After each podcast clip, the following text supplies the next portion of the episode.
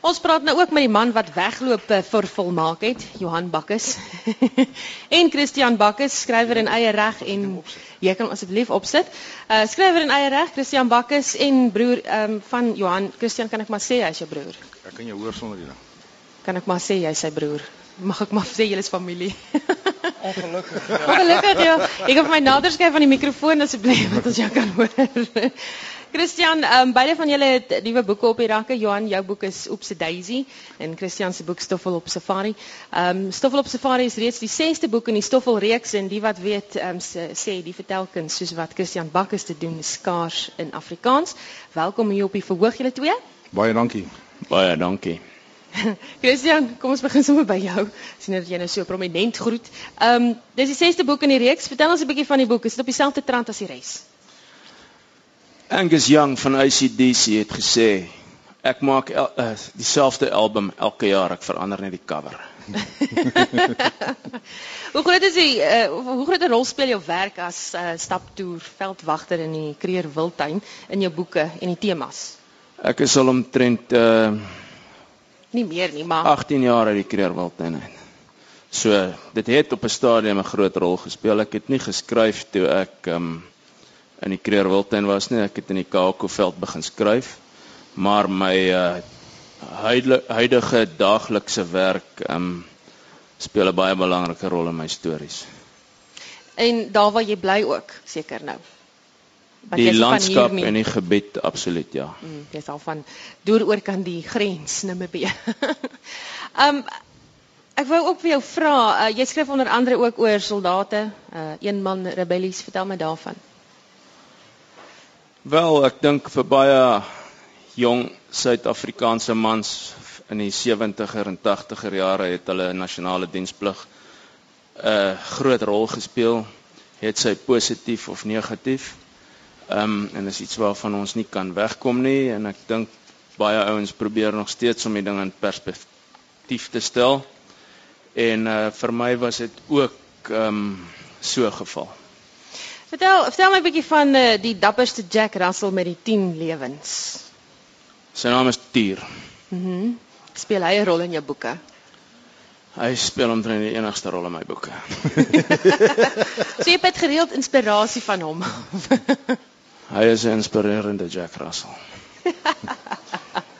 so gepraat van jou werk in die natuur, jy weet al kry 'n bietjie inspirasie um, in die omgewing renosterstropery vier hoogtye in Suid-Afrika. Ehm um, hoe ervaar julle dit daar in Namibië en wat dink jy daaroor of daarvan? Ja, hel, dit kan uh, ons heelmiddag besig hou. Maar uh, ons is gelukkig in Namibië op hierdie stadium. Ons is die derde land ter wêreld met die die derde hoogste populasie renosters en veral swart renosters.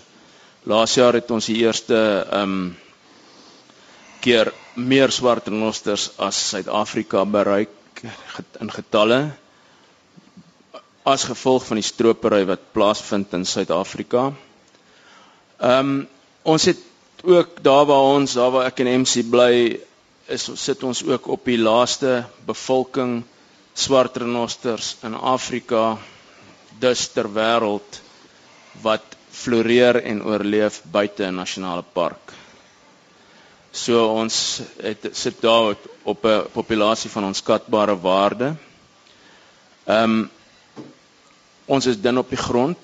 So ons is besig om onsself gereed te maak vir die stryd wat in Suid-Afrika op hierdie stadium gebeur en wat ons seker is gaan binnekort by ons uitbreek. Maar aan die ander kant is daar dinge wat in ons gunst stel. Eerstens is ons het 'n bevolking, 'n plaaslike gemeenskap wat simpatiek is en wat die swart renosters as hulle eie sien en wat die swart renosters wil bewaar. Wat in die laaste 15 jaar die ehm um, vrugte van verantwoordelike toerisme begin pluk het. Ehm um, hulle wil nie daai renoster populasie sien verdwyn nie. Ehm um, aan die ander kant het ons is ons 'n land met groot ruimtes en min heininge en wildernisareas wat baie onherbergsaam is waarin swart renosters nog kan skuil. Kyk, hy's 'n moeilike dier om te vind. 'n Swart renoster is van nature af 'n hooggespanne dier, 'n asosiale dier. Dis nie oor dat hy tot die randjie van uitwissing gejag is nie. Hy was van die begin af so. En dan wat die, die groot gevaar is, is dat by ons renosters versteur word in die areas waar ons werk, dat hulle vlug na areas toe waar hulle geskiet kan word. En dit is wat ons moet en probeer verhoed in ons werk daar in Damaraland in die Kaokoveld. Klink vir my na 'n groot stryd wat voorlê. Ons praat 'n bietjie met Johan. Ehm um, jy is bekend vir vir boeke met temas moer toe die vreemde in en nou is ons in ons donder. Ehm um, en toe val jy uit met 'n boek getiteld Oepse Daisy. Wat het gebeur? Nee, ek uh, onthou net mense vra my baie oor hierdie titels van my boeke en so voort en nou goed, ek sê altyd die titel van 'n boek moet tog die essensie van dit. Dit is alles maar binnenkort verhale wat uh, die titel van die boek moet die essensie vasmaak. Maar daar's ook 'n bemarkingsfoefie aan die einde van die dag. Ek bedoel jy daar's een titel wat jy nou nie genoem het nie, Norrefok. Ook uh, Ja, skus.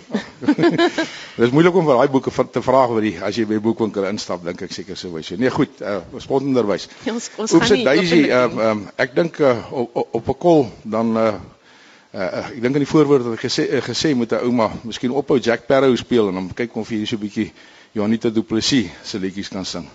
Maar dis 'n aanleiding van 'n resensie wat wat oor die die vorige boek uitgekom het, nê? Nee? Dis korrek, ja. Wat jy toe nou besluit het jy gaan hom nou verander. Is dit heeltemal nee, nee, nee, nee, nee, nee, dis glad nie hoegenaamd nie as as gevolg van die resensie nie. Uh -huh. Maar hoekom uh, uh, oor die resensie? Want ek het wel tog 'n storieetjie opgedra aan die resensent. Nou uh, uh, uh, volgens oorlewing reageer jy mos nou nie oor 'n op 'n resensent as hy nou ietsie oor jou skryf wat jy nie van hou nie. Maar my gevoelente was dat die man sowieso nie eers my boek gelees nie. Hy het nie hy het nie die bal gespeel nie, die man gespeel. maar toe ek nou maar besluit ek sal 'n storie aan hom opdra. Die, die storie se titel is 'n skatologiese storie. Skatologiese. Nou, ja, Voet het vir my gesê ek kan die regte naam gebruik, maar ek sal nie. is dit daai ene wat op die op die internet PG13? Ja. Ah, uh, dit is met uh, kom verduidelik net, dit is 'n storie wat nie in die boek verskyn nie. Hy's net op die internet beskikbaar. Ja, hy's afgekeur deur die uitgewer, ja. Aha.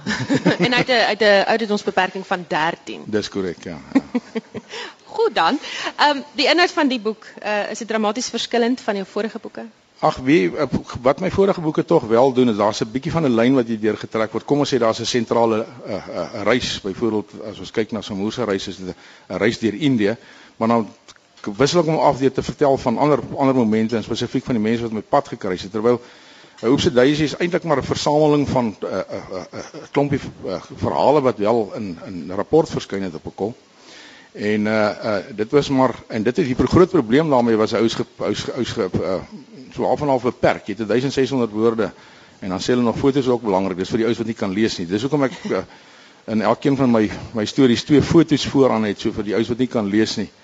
Maar gelukkig word die boek nou so baie so in brail ook oorgeskryf uh, blykbaar vertaal. Soos in Genian. Foto's op. So daar ja, die, ek weet nie hoe gaan hulle die foto's maak nie, ja. Maar Genian. Ja, soos in Genian. So, baie dankie. Dit was Johan en Christian Bakkes hier by ons op die verhoog gewees. Dankie julle twee.